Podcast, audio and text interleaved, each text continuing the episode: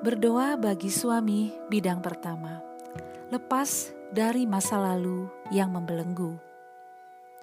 Ayat Alkitab Yesaya 43 ayat 1. Tetapi sekarang beginilah firman Tuhan yang menciptakan engkau hai Yakub, yang membentuk engkau hai Israel. Janganlah takut sebab aku telah menebus engkau. Aku telah memanggil engkau dengan namamu engkau ini kepunyaanku. Yesaya 43 ayat 18 sampai 19. Firman-Nya, janganlah ingat-ingat hal-hal yang dahulu dan janganlah perhatikan hal-hal yang dari zaman purbakala. Lihat, aku hendak membuat sesuatu yang baru yang sekarang sudah tumbuh. Belumkah kamu mengetahuinya? Ya, aku hendak membuat jalan di padang gurun dan sungai-sungai di padang belantara. Renungan Masa lalu merupakan bayang-bayang yang sering muncul di masa kini, juga merupakan gaung masa silam yang masih terdengar hari ini. Beberapa kisah masa lalu tidak terlalu menyenangkan untuk diingat kembali, tetapi kerap melangkah keluar dan menjadi diktator hari ini. Apa yang aku lihat pada suamiku hari ini adalah apa yang dialaminya di masa lalu. Untuk hal-hal indah yang kukagumi, aku mengucap syukur pada Allah. Itu merupakan hadiah tak ternilai bagiku.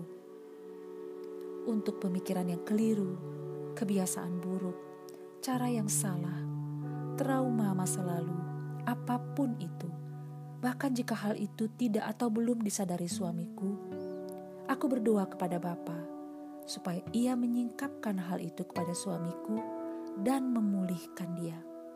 Melalui pengakuan kepada Allah dan merendahkan diri minta pertolongannya, suamiku akan dapat maju dan bertumbuh pesat.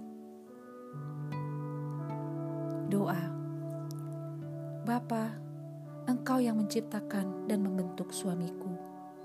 Engkau menebus dan memanggil suamiku dengan namamu suamiku adalah kepunyaanmu.